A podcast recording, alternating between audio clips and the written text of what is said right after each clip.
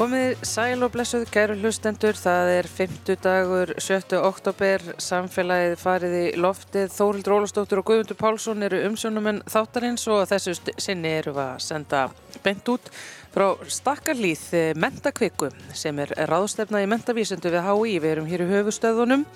Hér í dag verða vogamorgun, verða kynntar ótal margar áhugaverðar rannsóknar niðurstöður sem snerta skóla og frístundastarf landsins og þar leiðandi okkur öll.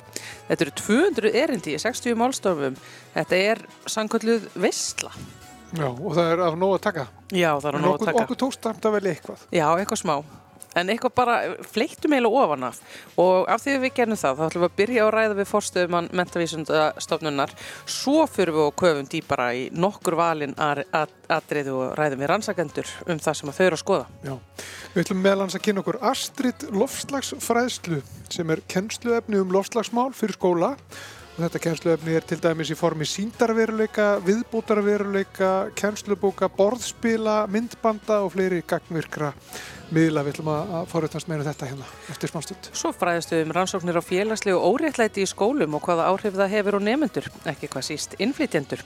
Akkur eru það alltaf krakkarnir með sama bakgrunnin sem að komast í ákveðna skóla, í ákveðna stöður í atvinnulífinu. Við fórum að vita meira um þetta hér og eftir og svo eru umhverfispistill frá Stefánu Gíslasinni, umhverfstjórnunafræðingi í lokin. En við byrjum á mentakviku.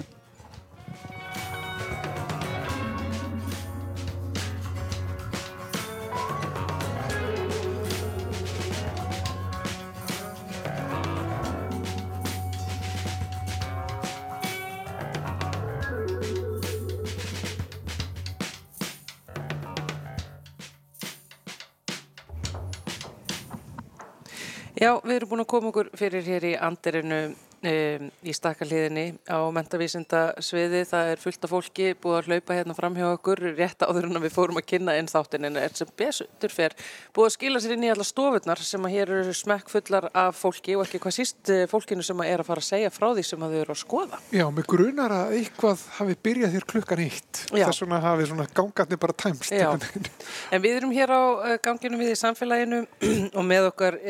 Kristín Erla Harðardóttir sem er forstuðumadur mentavísindastofnun Gunnar, sælvertu.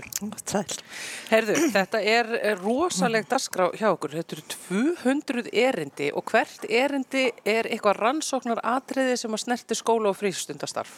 Já og meira til að því þetta snerti fjölskyttur, þetta snerti bara allt sem við kemur alveg frá hérna frá hann að líka við fæðingu og upp í, upp í hérna, lifelong learning eða hérna, hérna að halda áfram að læra eftir þannig að við erum með rosalega vitsvið.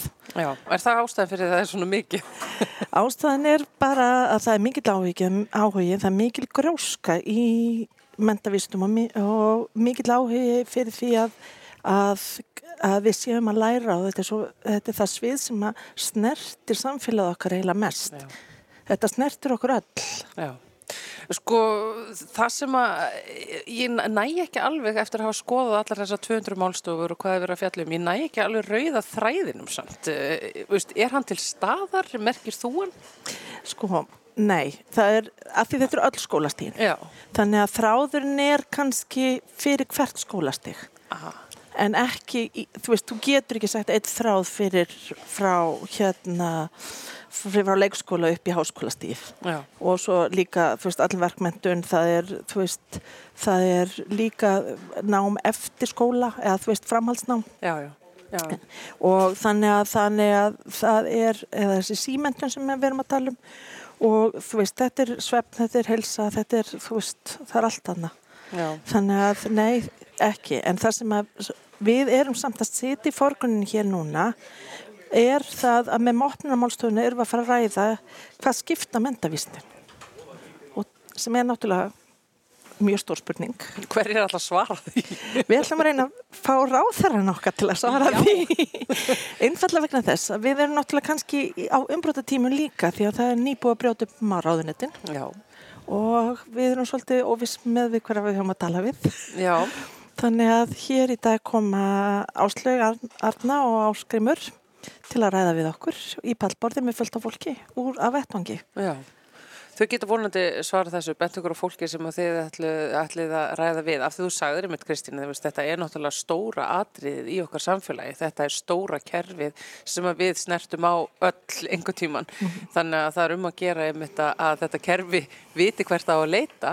Hver, hva, hver er inn á stjórnvalda eru með svona sjá um þau og passa þau og, og, og sjá um að þau séu eld. Mm. En sko varðandi þetta að það sé engin svona rauður þráður í, í, í gangi þá er samt eh, nokkuð ljóst að það er svona atriði sem er að koma upp innan mentavísendarna sem að voru ekki atriði hérna fyrir 20 árum síðan. Nei, nei, nei, nei. Það er svo til dæmis hins egin málinn og, og félagslegt, eh, félagslegur ójöfnuður og innflytjendur og þar, veist, þetta var ekki rannsóknarefni hérna á síðustöld. Nei, nei, alls ekki og ég er að menna að það, er, það eru þættir sem skipta okkur miklu máli að hérna og, og eins og bara, þú veist, COVID Já ha, Allt í hennu skiptir svefnmáli Þú veist, ég er að menna að það er alls konar þættir og ég er að menna að við erum náttúrulega fann að horfa á sjálfan okkur sem miklu að umhverfið okkar og lífið okkar hefur miklu meira áhrif á allt, alla hilsu okkar og líðan og, og allt, þannig að þetta spila allt saman, þannig að það skiptir líka rosalega miklu mál þessi skipt er hér. Og það er svona eitthvað svona stórt að það eru aðilar frá öllum sviðum sem koma inn á mentakvöku. Já. Þannig að við erum hér með fólk frá helbriðsvistasviði, félagsvistasviði, e, frá verkfræði og tölvunafræðinni, frá náttúruvísindunum, þannig að þú veist, og, það, það, það, og, heims, og náttúrulega frá hugvísindunum líka, mm -hmm. að, og frá flest öllum háskólanum. En er það ekki mitt þá líka rétt skilja hjá mér að mentakveika er langstærsta svona fræða ráðstöfnan á Íslandi? Ymmitt eh, kannski út af því hún er svo þverfaglega að þetta kemur inn og allt. Hún er langstæðst og við hefum alltaf haft sko stæðsta áhærandahópin. Við hefum fengið mesta fjöldana fólki hérna inn í hús. Mm. Skólasamfélagi hefur áhuga á þessu, samfélagi hefur áhuga á þessu og það sem við ætlum að reyna og síðan náttúrulega það verður gaman að sjá að því við hefum síðustu tvö árin gert þetta ekki í, í, hérna, í húsi heldur bara á í gegnum netið. Já, já, COVID-skemmtuninn e, e, En nú ætlum við að reyna til að komast til móts við landsbyðina að streyma þetta í rauntíma það verður gaman að sjá.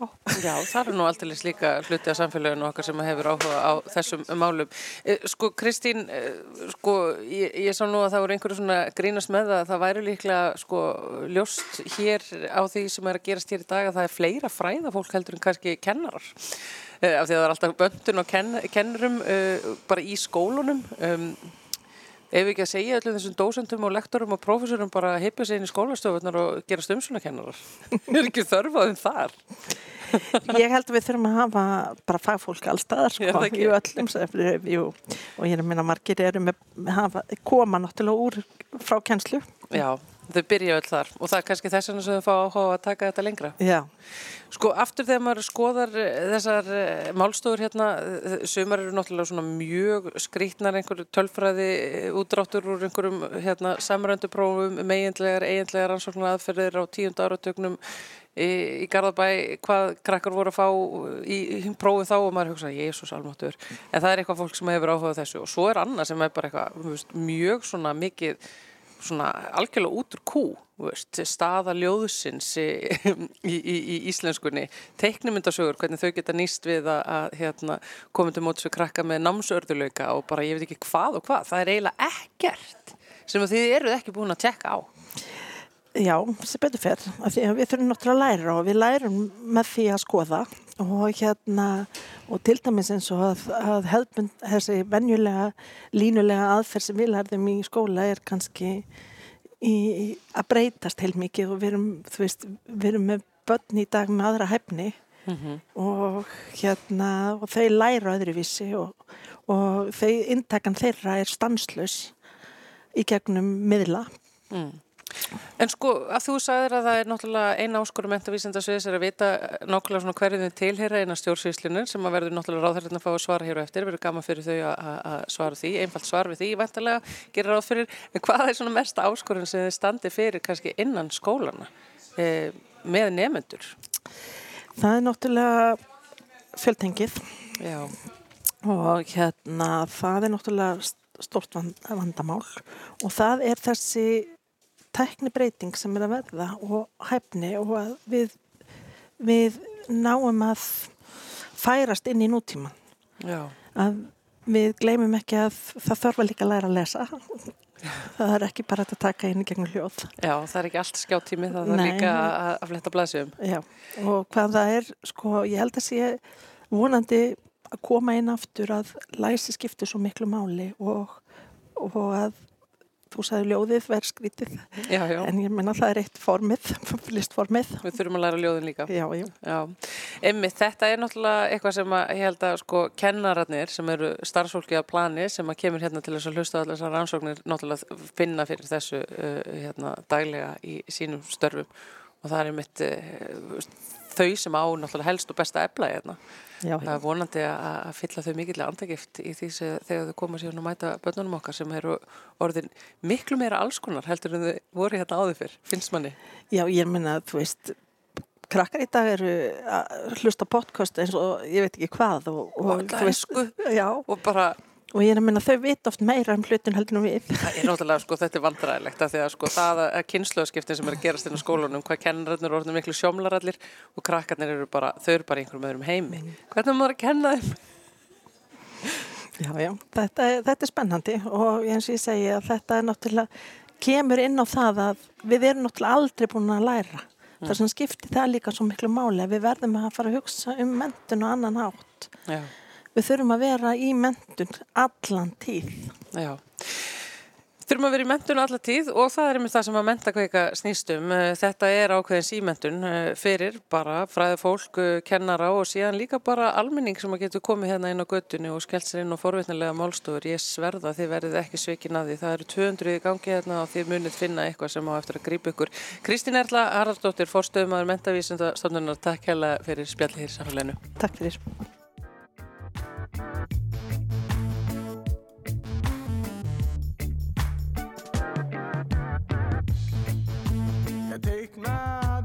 stjörn á gólfið og risti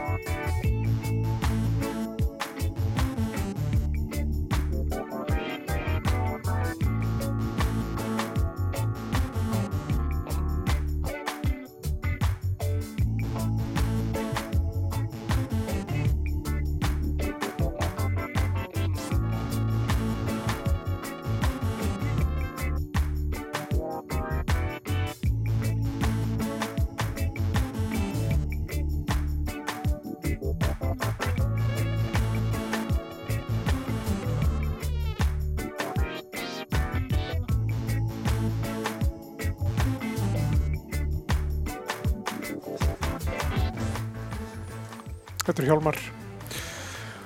Og uh, syngja þarna um það að teikna stjörnu. En uh, áfram höldum við hér á mentakviku og það eru sestar hérna hjá mér Ásta Olga Magnúsdóttir og Ragnar Benedetta Garðarsdóttir. Ásta er hjá hönnunafyrirtækinu Gagarin og Ragnar Benedetta er prófessor í félagsálfræði erum velkonar Takk fyrir það. Takk. Eh, Þið eruð hér að fjalla um, eh, eða það er verið að segja frá hér í mentakvíku verkefni sem þið komið að sem er Astrid Lofslagsfræðsla sem er eh, fræðsla eða kennsluefni í, fyrir skóla eh, til að kenna ungu fólki um lofslagsmál, ekki satt? Jú. Og sko það sem ég hugsaði og ég man nú ekki hvort ég sagði við ykkur báðar e- eru börnin ekki nógu einhvern veginn mikið að velta, sér, velta fyrir sér lofslagsmálunum og eru, eru við ekki búin að hræða þau nóg? Svolítið skemmtilegt hvernig þú komst á orðið og sagðir að kenna börnunum um lofslagsbreytingar. Já, Sko það er náttúrulega bara þetta að kenna þeim um þetta. já ég kenna þeim um, já, Já. já, ég skil ekki, já, nei, við kennum okkur um. En það er akkurat einmitt það sem við ætlum að reyna að breyta. Við ætlum að, að, sko, um, að fræða þau Já. um lofslagsbreytingar. Við ætlum ekki að kenna þeim um þetta. Nei, rétt. En, en, en það er mikilvægt er það ekki að sagt koma uh, þessum, þessum málum í þannig farveg að þau séu hluti af námsefnum. Akkurat. Já, Uh, sko lofslagsmál er ekki bara einhver efnafræði eða líffræði, heldur er þetta samfélagstengt, þetta er uh, stjórn uh, mála efni, eh, skilur allt, allt samfélagið einhvern veginn þarf að breytast til þess að geta tekist á við þetta. Þetta er svona það sem er kallað wicked problem eða marglagaverkefni sem er ekkert hægt að, að laga með einhverju einni lausn og, og það er ágætt einmitt að sko krakkarnir fatti það að þetta snýst ekki bara um hvernig tampistöðu kaupa eða eitthvað þannig heldur er þetta risastór samfélagslegt verkefni sem að þau þurfi ekki að bera á eigin herðum alveg og það er ekki einmitt verið að kenna þeim um þetta því að þau langaði í eitthvað. nei, einmitt. En einhvers séu verið að kenna þeim um uh, loftasmálin, þú veist ekki verið að kenna um þau, svo höldum okkur, höldum okkur við þetta. En það eru ímsar aðferðir uh, sem að er beitt þarna í þessu verkefni sem að uh, þannig tæknin er nýtt til dæmis. Hversu langt er gengið þar og af hverju er það mikilvægt einhvern veginn að, að nýta sér tæknina í þessu mál? Já, kannski einmitt aðeins fyrst varandi þetta að kenna um að því það var kannski upphafstefið að því að eiginlega er hugmyndafræðin mikilvægri en tæknin í þessu, í þessu verkefni, hönnunarverkefni hjá okkur. Og, og vegna er gaman að Ragnar Benedikt að sé hérna með okkur sem að læði svolítið svona grunninn að því ásamt uh, uh, fólki hérna á mentavísindasviði hvernig við myndum nálgast þetta. Og við vorum með mitt byrjum þarna þegar að það voru, það er kannski tvö ár síðan og það voru loftslagsverkvöld í gangi. Og það var mikið verið að ræðum lofslagskvíða sjónserjan hérna hvað höfum við gert? Var nýbúin að vera. Allir náttúrulega bara miður sín síðan setna kom sko hvað getum við gert? Já, þannig að við, þa- þarna byrjaði þetta eiginlega. Og, og við, hérna, það eru tvö ár síðan og við komumst líka bara mjög mjög hrætt að því hvað kennara virtist var, vanta bara fleiri verkfæri og fleiri leiðir. En síðan er líka allt á fullu og maður finnur líka þegar maður að hérna, hitta mastersnema hérna að mentavísindasviði núna að það er rosalega margt í gangi varðandi hvernig maður kennir um lóslagsmál og, og sjálfbærni. Þannig að þetta er svona á undan áðurinn fyrir að tala eitthvað um tækninu sko, er mjög mikilvægt. já, Það er svona hvernig við lögðum grunninn og fengum rosalega mikið input, eða inngjöf frá, frá hérna, sérfræðingum. Af því að það sem við kunnum og, og ég er náttúrulega, ég hvorki sérfræðingur í loftslagsmálum nýja mentavísindum en það sem við kunnum hjá Gagarin við erum náttúrulega bara mjög, mjög hérna, hæfileikaríka hönnuði og ég er búin að vera leiða verkefni þar, svona sýningahönnun þar sem við erum að miðla sögum frá vísindafólki og, ymsum sérfræðingum og, og þannig að við erum með svona gott, við erum með góðan grunn í því sem okkur, svona, sem er svona ákveðin vísindamiðlun. Og vildum veginn nýta okkur það. Og síðan er þessi tækni náttúrulega þróast í síndaverleikum og, og, og viðbútaverleikum sem við erum byrjuð að skoða í, því, í þessu samhengi að því að við viljum reyna að segja sögur í svona umhverfi sem að er svona kallar á fólk og, og brýtur upp uh, sögurnar og, og notum uh, leikum mikið með svona áþreifanleika líka í síningunum okkar. Já, og svo núna erum við að fara inn í þessa viðbútar og síndaveruleika þar sem maður getur verið að sína hlutina á, á, á nýjan hátt og þetta er svona ön, ön, annars konar innlifin heldur kannski í skólastofunni. Og það sem er náttúrulega bara sérstaklega mikilvægt í því er allt samhengi við þá kennsluna og, og skólana. Þannig að við erum ekki að gera eitthvað sem stendur bara eitt og sér og á að leysa uh, hérna, stóru spurningarnar. Heldur erum við að reyna að setja þetta í það samhengi þannig að það sé ekkert að vinna með þetta eftir á og, og á, undan. En, en er hugmyndin að þetta fari inn í skólastofnar eitthvað síður? Já, það Já. er hugmyndin. Já. Við erum búin að hérna, gera nokkra prófanir í, í nokkrum skólum og erum, þetta er náttúrulega, já, við erum uh, að reyna að koma, við erum bara að reyna fjármagnaða til þess að koma því alla leið, þannig að allir úlingar á Íslandi fái uh, fara í þessa upplifun. Já. Uh, þetta er í 20 mínútur í, í síndaveruleika og það er svona hópur sem er leikur sér saman og síðan erum við að vinna áfram að fleiri, fleiri svona upplifunum eins og þetta. Og, og hvernig eru skólanir eh, búnir undir það? Til dæmis bara tæknilega veginn að að takast á þetta?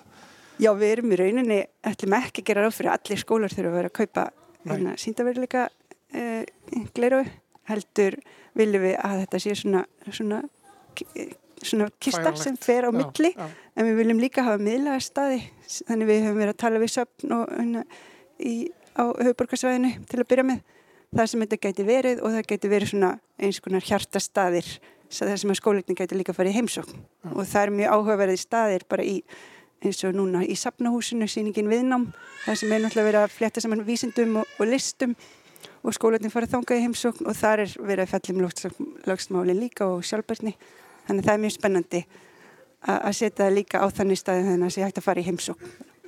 Þessi áþreifanleiki sem að ástæð talar um er eiginlega akkurat það sem að gerir þetta að verkum að við erum ekki bregðast nógu rætt við loslasbreytingum um, um hverfið sálfræðingar og félagssálfræðingar hafa rannsakað sko, þessar ástæð fyrir af hverju við gerum ekki eitthvað, frekar heldur en endilega af hverju við gerum eitthvað. Og eina af ástæðanum fyrir því að við bregðast ekki við loslasbreytingum er að þær eru svo ósýnilegar og svo óáþreifanlegar, svona abstrakt. Við til dæmis vitum ekki hvernig gróður og svo loftugundi líti út og hérna við fáum ekki eitthvað skamt af gróður og svo loftugundum í hausunum leið og við erum búin að gera eitthvað sem að leið, sko, losar, skiluru. Þannig að það verða þessi, um, það verður rof á milli orsakar og afleiðingar. En með því að setja þetta inn í síndar veruleika þá er ymmit hægt að gera þetta sýnilegt og áþreifanlegt og það sem er líka hægt að gera í síndaveruleikunum er að láta sko, uh, þáttakendur sem að hafa hingað til verið krakkar uh, taka sameilegar ákvarðanir um hvernig á bregðast við þessu og fá samstundis endugjöf þannig að þau fá sko, stig fyrir ákvarðanir sem þau taka Já. og það sem er mjög mikilvægt og, og ég laði áherslu á strax í þessu ferli var að hérna að þau myndu ekki vera að taka ákveðanir um eigin neyslu eða eigin hegðun heldur svona setja sig í spór stjórnmálamanna að taka stjórnmáls ákvarðanir, reynilega bara á að banna þetta eða á að leifa þetta og hérna það kallar á samtal, svona díalóg þeirra á milli og þá fara þau að kasta hugmyndum sínum milli, nei ég vil ekki hafa þetta svona, jú ég vil hafa þetta hins eginn sem þýðir að það virkjast þessar heilastöðar sem að, sem að hérna um, bara framkalla sköpunar uh, kraftin, býr til nýjar hugmyndir og, og þá er meiri líkur á þau muni það sem þau voru að tala um. Og uh, við gerðum í hérna sálfræðideildinni til þess að vinna eitthvað með þetta þá hérna fekk ég eitt meistranema til þess að árangursprófa eh, hvort þetta virkaði hvort það væri að skilja einhverjum árangri.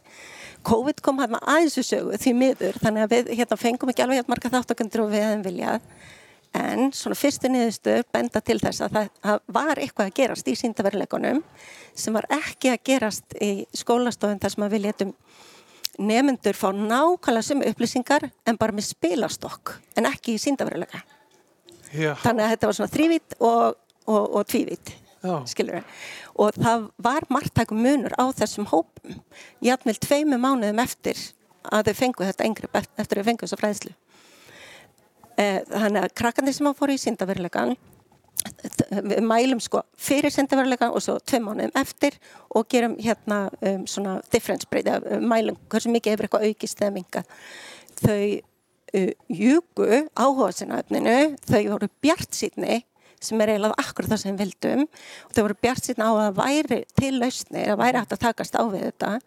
Uh, þau voru tilbúnari til þess að forna einhverju eigin lífstíl og tilbúnari til þess að taka þátt í að svona að koma skilabóðum áfram á framfæri, tala um þetta við foreldra sína og, og svona.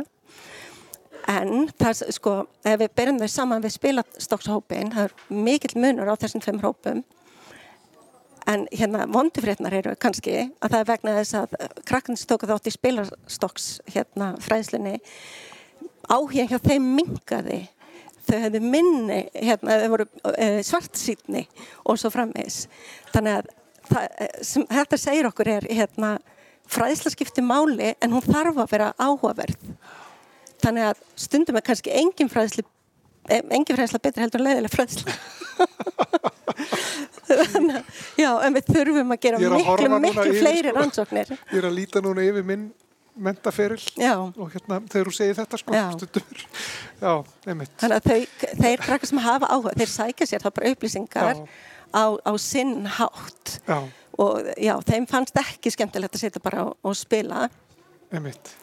ef markam á þessa fyrstu niðurstur. Við þurfum að fá miklu, miklu fleiri þáttakandur í þetta til þess að síðan geta Það er Eh, rosalega spennandi já. að taka bara þessar rannsóknir áfram að því við Já. viljum, á, við viljum þróa þetta áfram en byggt á rannsóknum. Þannig að við séum ekki að því ein, Mhm. ekkert okkar vil að börnin okkar verði síndaverleika allan skóladaginn. Nei. það er enginn að segja það. Nei, en það er hvernig nýtist þetta best og, einmitt, og hvernig getum við gert svona áhrifaríka fræslu sem að, sem að ég mm vil endilega taka undir það. að Því við viljum sko kveikja von með því að virka bæði sköpnarkraft og svona ákveðina aðlögunarhefni. Mm -hmm. Því að við e- verðum að, að vera þar. Þetta er, ég ætla bara að fá rósa eins ástu hérna. Þetta er til svo mikla fyrirmyndar hvernig þau hafa unni þetta verkefni. Af því að þeirra nálgun var alveg strax frá upphafi við viljum hafa gagnreind yngripi, við viljum hafa þetta byggt á vísindalegri þekkingu, við viljum hafa þetta þannig að það sé aðsilja skil einhverju gagnandi í samfélagið frekar en að leggja bara áherslu á að þró eitthvað sem að væri fallegt, skilur þau? Það skiptir, skiptir öllu máli í, í þessu, Já. í loka uh, afurðinni, það sem við erum með í höndunum í dag. En svo eru náttúrulega lofslagsmálinn og viðbröð við þessari lofslagsvá sem við erum svo mikið að tala um. Mhm. það, það, það, er sko, þetta, þetta er daldið, það er daldið unga fólki sem leiðir þetta. Mhm. Það er daldið unga fólki sem kallar á viðbröðin. Það er unga fólki sem að ber í borðið og, og fyrir verkvall eins og Mhm. Já. til dæmis eins og við tölum um aðan. Þannig að er þetta að þetta er fólki sem, að, sem við eigum náttúrulega líka að vera þá að, að undirbyggja einhvern veginn og, og ebla. alla framfarir verða alltaf að því að það kemur ný kynnslóð og hjálpar okkur innum hérna, miðaldra að skilja hvað við þurfum að gera. Og kannski getur þessi kynnslaugnið orðið svona ekki jafn, uh, svona svartkvít í umræðinni líka. Það væri líka, eða það er svona, drau- man, það er svona eitt að dreifkröftunum í þessu ef að þau eru kl klárari í að sjá hlutina frá ólíkum hliðum og geta rökrætta án þess að detta ofan í sko, nýtingu og vernd til dæmis eða það er svona að þau geti séð þau byrja strax að hugsa, þau spyrja svo margar spurningar byrja af hverju ættu að gera þetta svona og þá, þannig að þau þjál, að þjálfa þau í því að hugsa hlutina frá ólíkum sjónarhörnum Já. Og draga fólk til ábyrðar. Mm. Í staðin fyrir að, hérna, að, að drösla sjálf með ábyrðina á eigin herðum. Og það er margar rannsóknir sína það. Þessi krakkar eru, um, þau eru kvíðin. Þau upplifa, já, lofslaskvíða og svona og óta og, og bjargaleysi. Og ef að þau draga hérna, þá til ábyrða sem að bera í alveg ábyrð á uh, vandanum og þeim er gefin um, segja, trúa eigin getur til þess að gera það þá held ég að hérna, framtíðin sé aðeins bjartari heldur en þetta er það sem að við vorum að reyna einhvern veginn að, að imprenta í þau að, það- að það þarf að taka stórar ákvarðanir og það sé hægt að taka stórar ákvarðanir með því að mynda að tala um hlutina Já. og komast að sameilir niðurstöðum Og hvar byrjiði? Hvar er gott að byrja? Hva, á hvaða aldrei er best að byrja? Gott að byrja, má byrja, þarf að byrja. Hvernig getur voruð það? Um, ég held að sko, þessi aldurshópur sem að, uh, við erum búin að vera fókusera á þetta er svona 8.9. bekkur um, það er ágættur aldur uh, til þess að út af því á þessum aldri eru þau farin að geta skilið betur abstrakt stærðir þau eru farin að geta um, svona, já, þau hafa skilning á til dæmis stjórnkerfinu og, og, og hvernig s- stærri hérna, þættir hafa áhrif á smærri þætti í okkar lífi og þau eru tilbúin til þess að verða aktivistar táningar eru aktivistar, þau eiga að vera það það er eðlulegu þróski og ef við gefum þeim um, þessa færni og þekkingu áður en þau kannski til dæmis fyrir mentaskóla þá eru þau ágætlega tilbúin til þess að taka þá afstöðu sem að þau velja Já. Við þurfum að hætta rúna. mm. Uh, takk kjærlega fyrir uh, komuna, takk fyrir að setja stefna hjá mér og útskýra fyrir mér uh, þessi mál. Takk fyrir okkur. Já, takk fyrir að taka mót okkur Ragnar Benedikt og Ásta Olga, takk fyrir þetta. Takk.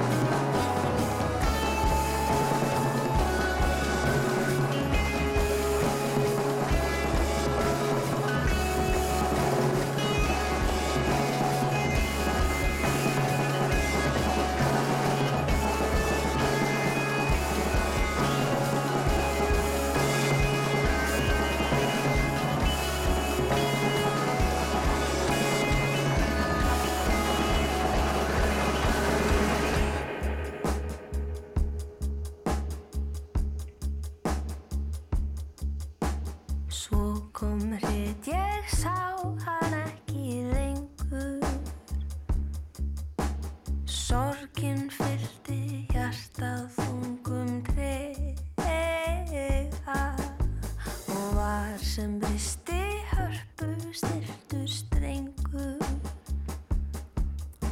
Stjörnunar ég sakna æfinlega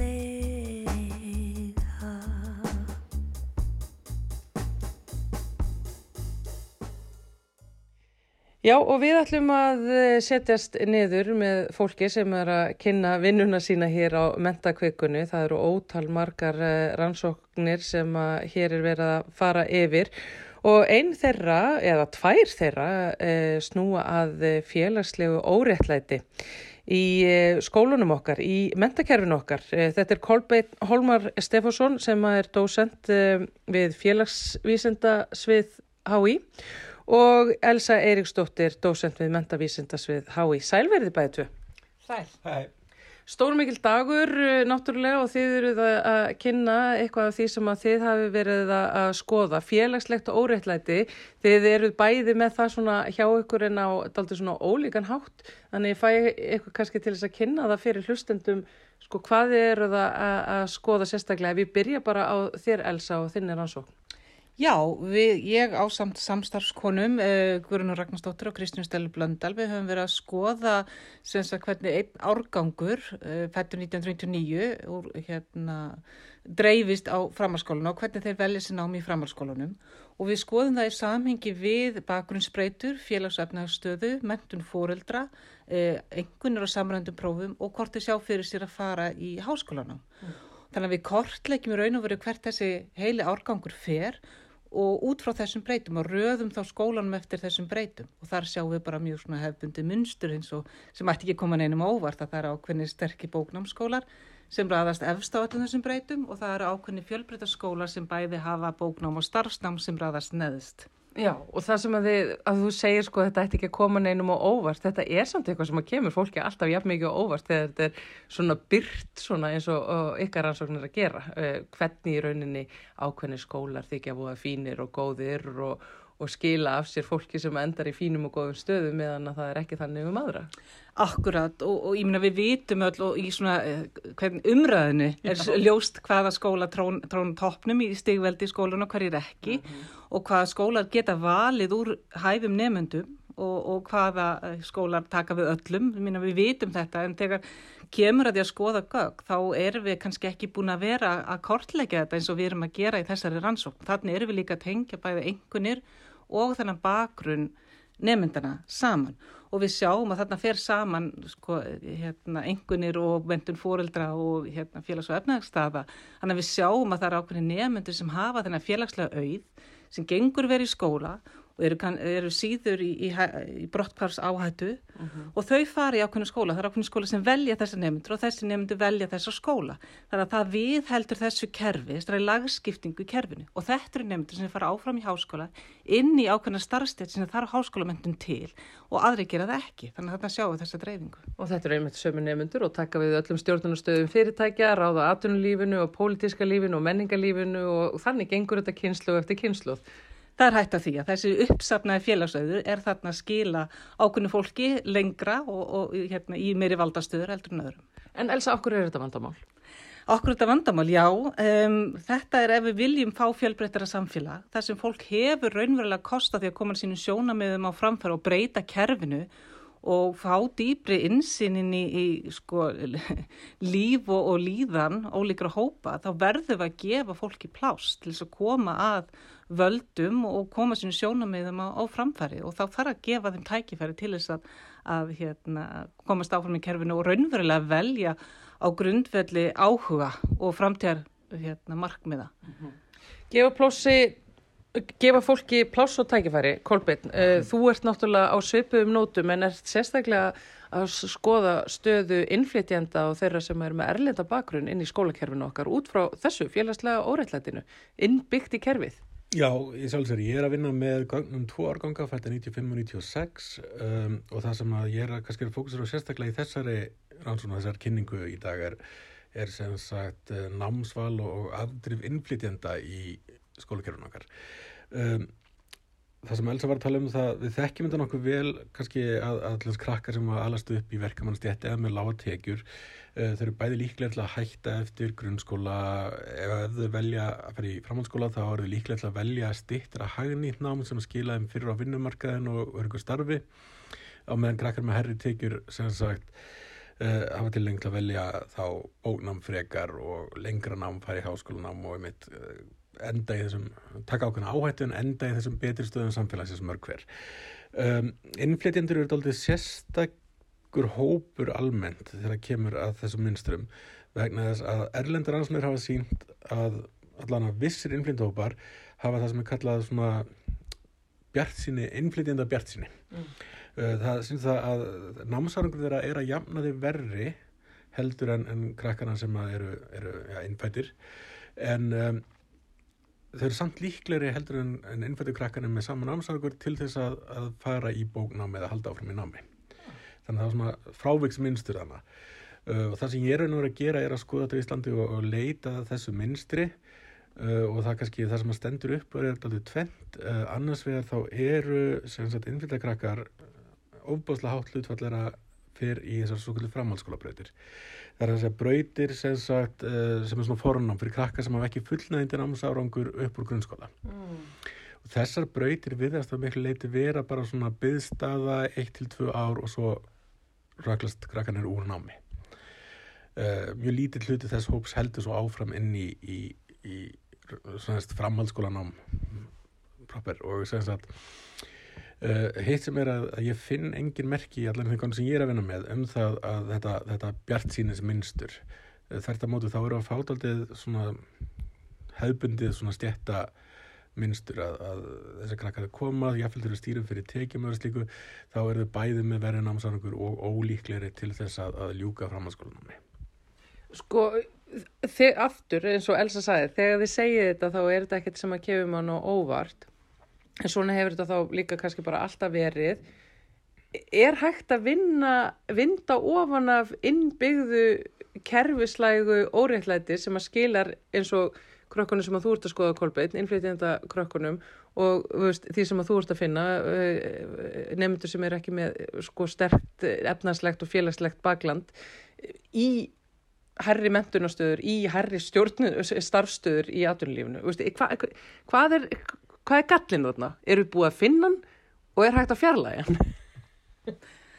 Já, það er nú spurning. Við, við erum að finna hann. Ég minna, ég held bara það að, að taka þessa umræðu og ræða það að við erum með mentastefni hérna sem leggur áherslu á jafnrétti, nám fyrir hæfi fyrir alla og inngildingu, en erum svo með kerfi sem við heldur og og veru sko, stendur fyrir ákveðni lagskipting og mismunum. Um leið að við bara opnum auðu okkar fyrir þessu, þá erum við í stöðu til þess að reyna að, að finna út í hvernig jórsköpunum fyrir að laga þetta. Hvernig við gerum það, ég er ekki með svörum því, ég held að það sé næsta skrefið. Það er smá bömmur og þú sést ekki með það, Elsa. ég skal reyna með þetta besta. En það er næsta skrefið hjá okkur, er raun og veru að hugsa um býti hvernig getum við hérna, byggt upp kerfi sem að hérna, gefi fólki þessi tækifæri. En hva, hvað er það þá, Hólmar? Allavega ef við erum ekki búin að finna almennilega hvernig við getum lagað þetta, en er það, er það, er það kennarna sjálfa, starfsmann á plani, er það, er það veist, ykkar í fræðafólksins eða er þetta einhverstar annar staðar? Ég held að þetta þurfa að vera fræðafólki, stjórnsíslan, kennarnir þurfa öll að koma að þessu. Það er kannski eitt sem er kannski ábreynd þegar kemur að þeim nefndum sem að er að sérstaklega innflýtindur, er það að kannski stærsti þátturinn sem að skýrir stöðunara er þið flyttir til landsins sem er svona ákveðin álgun á það hversu vel þau hafa sagt, komist inn í samfélagið og hvað tökum við þannig á tungumálunu uh, og tungumál eru líka náttúrulega stór þröskuldur í námi. Uh, og eitt af því sem hefur kannski verið vandamál til þessu Íslandi sem varandi brottkværsumræðina er að fókusin hefur svo mikið á framhaldsskóluna þetta er gerst á framhaldsskólastíðinu þetta er vandamál framhaldsskóluna en eins og taldum með þessi varðandi innflýndabörn þá er alveg augljóst að, að inngripi þarf að eiga sér stað miklu fyrr. Uh, þau eru að koma á grunnskóla aldrei þau þurfa að fá stuðningi þá strax.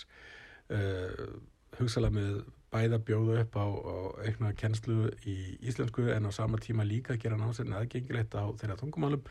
Þannig að, að þau geti lært námsveitinu og með þau að læra tungumálið. Mm -hmm. Bara sem dæmi en það þarf líka kannski að horfa þetta ekki bara sem vandamál mentakerfisins það er ekki mentakerfið eitt og sér heldur er þetta líka alls konar félagslega ræfnarslar aðstæður.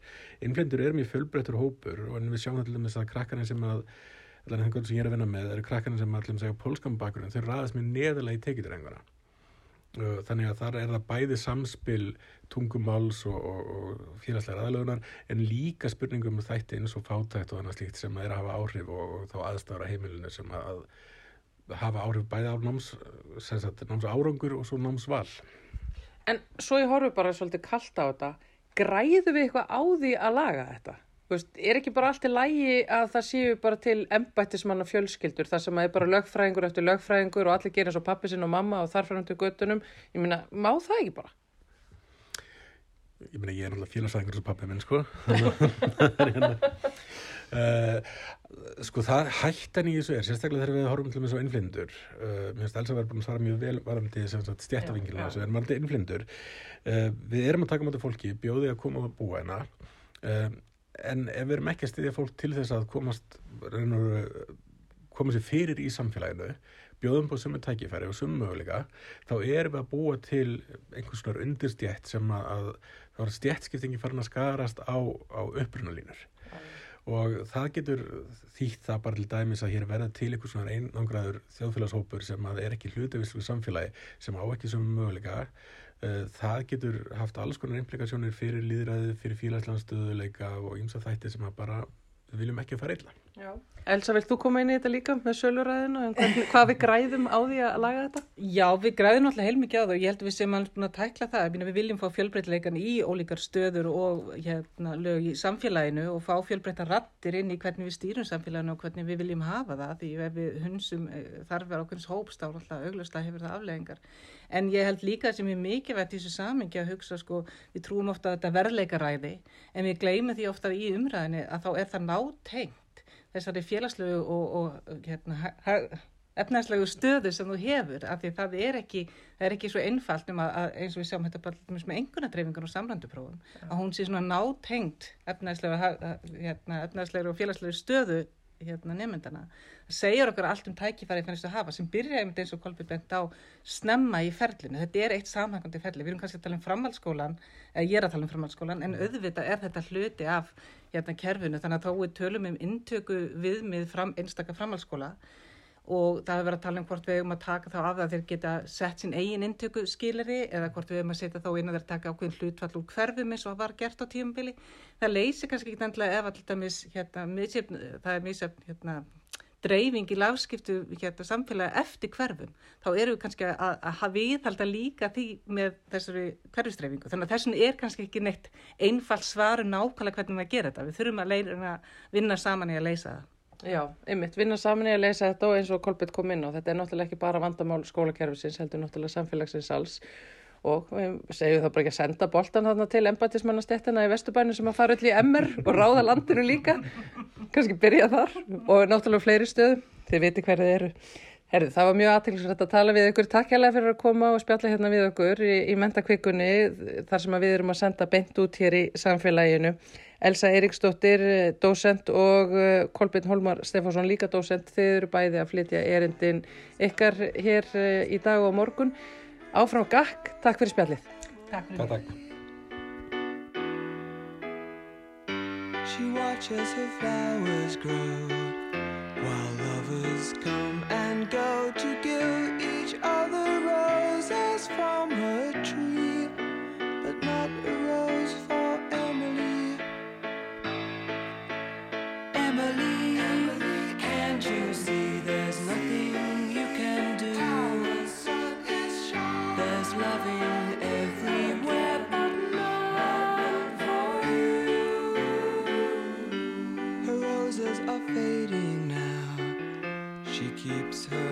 pride somehow. That's all she has protecting her from pain. And as the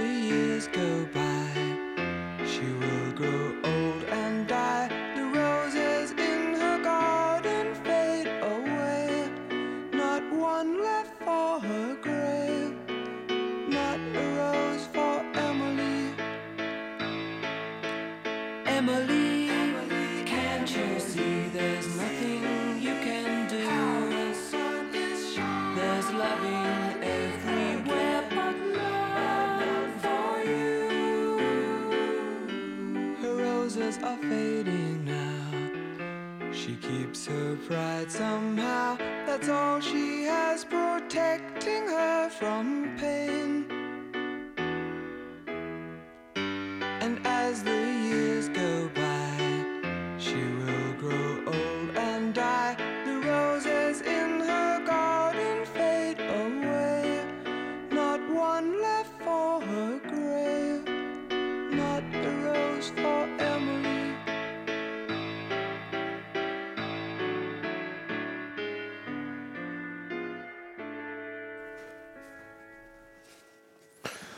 Er hlustun Zombies og lag sem heitir Rose for Emily lag sem að varð ansið vinsælt fyrir nokkrum árum þegar það var notað í podcastinu S-Town Já, frábært lag í alla staði og það er komið eh, að eh, loka atriði samfélagsins eh, Það er Stefán Gíslason, umhverfstjórnunarfræðingur sem að flyttur okkur nú sinn umhverfis pistil. Næstkomandi sunnudag þann 9. oktober verður enn til sérstags risarækjudags eða öllu heldur andrisarækjudags í Svíþjóð. Tilgangur með þessum degi er að minna mikilvægi þess að hætta að borða og bjóða risarækjur úr hitabeltinu. En væntanlega eru einmitt alla risarækjur á markanum upprunnar þaðan. Það eru sænsku náttúruvendarsamtökin Naturhvitsföreningen sem standa fyrir andrísarækjudeginum eða antiskampidagen eins og þessi viðburu kallast á sænsku með venjulegum fyrirvarum framburð. Það er von samtakana sem flestir takið þátt með því að tala við vinn og kunningja um neikvæð ári rísarækju eldis og með því að hafa samband við næstu maturverslanir og veitingastæði til að vekja aðtegla á skaðsimi þessarar vinsælu maturu. Nú er von að spurt sér hvers vegna rísarækju séu svona afleitar. Því er til að svara að risarækju eldi fer fram á strandfennjasvæðum eða í manngrófs eins og þessi svæð eru nefnd í alþjóðleir umröðum. Reyndar er réttar að segja að eldi far fram á fyrirverandi strandfennjasvæðum því að lífríkiðinu sem þar þrýfst er rutt í burtu til að rýma fyrir eldiskerinum. Eldið hefur farið mjög hratt vaksandi, engum í löndum á borfi Bangladesh, Thailand, Vietnam, Indland, Kína og Ekvator, svo mjög að strandfinnin hafi verið rutt á stórun svæðum og í staðinni komið nýtt landslag með rækjueldiskerjum. Og auðvitað er þessi vöxtur ekki tilkomin vegna innlagra óska heimamanna um að eidilegja þessi fennjasvæði, heldur vegna þess að risarækjur eru tísku fæða vesturlandabúa sem fæstir hafa hugmyndum hinn að skuggalegu forsögu þessara matvæla. Strandfinn eru ekkert venjuleg vistkerfi. Þar þrýfst gríðilega flóki lífkerfi sem nýti sér þessi mót, sjávar og feskvats. Þarna vaksa leiru og fennjuvíðar skóar í grunnu hálsöldu vatni og inn á milli plantnana þrýfst gríðarlega fjölbreytt samfélaga fiskum, rækjum, krabbadýrum og ýmsum smerri dýrum. Fenin eru í senn rigningastöður þessara lífera, uppeldistöðvar og matarbúr. Og lífriki sem þrýfst á þessum svæðum er líka undirstaða lífriksins í hafinu fyrir utan og á landi, í árósum og á votlendi nála ströndinni. Allt þetta víkur fyrir Ísarækjueldinu. Til viðbótar því sem hér hefur verið talið hefur röskun strandfennjana í förmis er gríðarlega losun kólefnis út í andrusloftið. Það flokna kerfi sem lagtir í rúst með rísarækju eldinu samanstættu nefnilega ekki bara af einstaklega fjölbreyttu lífriki, heldur í leðjan á botninum kólefnisbanki sem sapnaður innstæði í þúsundir ára. Sem dæmum mikilvægi strandfennjana hvað þetta varðar er talið að strandfinnin bindu um það byrj fjórfalt meira kólefni en jafnstór regnskóur á landi. Þetta kólefni losnar út í andurslótti sem koldioksið þegar fennjunum er rótað upp í þáu rækjueldisins. Nú kann einhverjum að detti huga risarækjueldis í undirstaðan í atvinn og lífsafkomi fólksins á viðkomandi svæðum og að þess vegna sé tæplega verjandi að forrikir vesturlanda búar fúlsi við góðgætinu og skilji fólki þarna úti eftir í sári neyð. En þannig er það bara alls ekki. Þvert að móti hefur Rísarækju eldið á stóran þátt í að ræna þetta fólk lífsviðurverinu. Fólki á þessum svæðum lifi nefnilega öðru fremur að því að veiða fisk og sapna skeldirum eða lifiði öllu heldur að því áður en fótunum var kipt undan tilvöru þess. Fiskarnar og skeldirinn hverfa og fólki getur ekki heldur sótt til byggingarefnu og eldi við í fenin eins og það var vant að gera eða nýtt sér lækningamátt plantnana sem þar uksu. Algengt er að fólk rökklist frá heimilisnum á þessum svæðum og mótmælið þess eru ekki vel séð af stórfyrirtækjunum sem reyka rækjuveldið. Kanski halda sumir að reysa rækjuveldið sem nöðsynlegu hluta því að afla mannkinninu fæðu þar sem ofveið í heimsöfunum er sístækandi vandamál. En svo er heldur ekki raunin. Þvert að móti að ígur rækjuveldið ofveiðina því að fóðrið í eldinu er einmitt á stórun hluta sótt í sjávarfang sem annars hefði eftir vil nýst til manneldis. Fiskur sem áður var ódri uppspretta próteins fyrir fólki á þessum svæðum er nú stappaður í fóður fyrir rækjurnar. Og í þokkabót er mikið af þessum rækju fóðursfiski veitur í troll sem ger engan greinamun á stórum og smáanfiski. Það er samsagt ekki nómið að eldið eðil ekki fæðu uppsprettu lífrikisins í hafinu frutan, heldur er það lífriki sem eftirstendur líka ríksugað upp í þá eldisins. Nú kann einhverjum að finnast að nóg sé komið En enn er sagan ekki öll sögð. Strandfinnin hafa til að mynda veitt mikilvæga vistkerfistjónustu sem fælst í flóðavörnum. Hafaldan deyri nefnilega út í fennjunum og þegar búir að skipta þeim út fyrir rækjueldisker eru varnirnar hornar með tilhærandi strandrófi. Sumulegis eiga súnami bylgjur greiða leið upp á land þar sem engin eru strandfinnin. Til viðbótur öllu því sem hér hefur verið nefnt þá fylgir rækjueldinu mikil efnamengun. Í þessu eldi eru nefnilega notuð síklarleif og önnur tilbúin efni til að fyrirbyggja sjúkdómi í eldinu eða með öðrum orðum til að koma í vekk fyrir að rækjöldum drepist ára en þeirra tím er komin. Þessi livjanótkun stuðlar að vaksandi síklarleifja ónæmi sem alþjóði heilbriðismálastofnunin telur vera eina mestu heilbriðisókn sem stæðjar að mannkynnin í dag. Sömulegis eru sterk hreinsefni notu til að hreinsa eldiskerin og verja þau fyrir óæskilum dýrum og plöntum. Þessi efni byrjast svo óhjáfæmili í vassvegi, brunna og út í sjó. Eftir nokkur ára nótkun getur svo þurft að afleggja eldisvæðin og flytja þau á nýjan stað eða þá að minga þjættlegan til að geta nota svæðin lengur. Það útheimti náttúrulega ný svæði sem tekinn undir eldi til að halda framlýslinu stöðuri, hvað þá ef eftirspurnin eigst. Nú er eðlilegt að spurt sér hvað sér til ráða. Oftast byrja svör við slíkum spurningum og orðunum að draga úr, að kaupa minna af eða að borða minna af. Hvað rísarækjurnar varðar er svari miklu einfaldara. Hættum að kaupa rísarækjur, hættum að borða þær og notum þau tækifæri sem gefast til að útskýra ástæðana fyrir öðru fólki, þar á meðal fólki sem vinnur í verslunum og á veitingastöðum sem bjóða upp á þessa fæðu. Það gerum við meðal annars með því að spyrja hvort sjávarættarsúpan innihaldi nokkur rísarækjur og með því að færa þetta sem oftast í talvið sem flesta. Sunnudagur 9. oktober er góður dagur til að hefjast handa. Sagði Stefán Gíslason. Það er ímislegt sem að hann skilur okkur eftir með að hugsa um. Við að hafna reysarækjunum. Þarna var eiginlega bara svona heimaverkefni. Þetta var heimaverkefni. Tala um, um reysarækjur. Og ekki kannski borða þær. Næ, það er mitt. En við komumst ekki lengra í dag með samfélagið? Nei, við höfum verið að senda beint út uh, hérna mentakveiku, mentavísendasviðs uh, erum hér í beinu útsendingu. Hér eru ungir og aldnir ungir líka eins og þeir eru kannski uh, en þetta er líka verið að tala um framtíðina hérna. Já, það er líf og fjör hér. Já. það vantar ekki. Við verðum aftur hér á sama tíma á morgun. Guðundur Pálsson og Þórildur Ólastóttir Kveðja. Já, Markus Hjaldarsson var tæknumæður hjá okkur í dag. Takk fyrir okkur, eftir sæl. morgun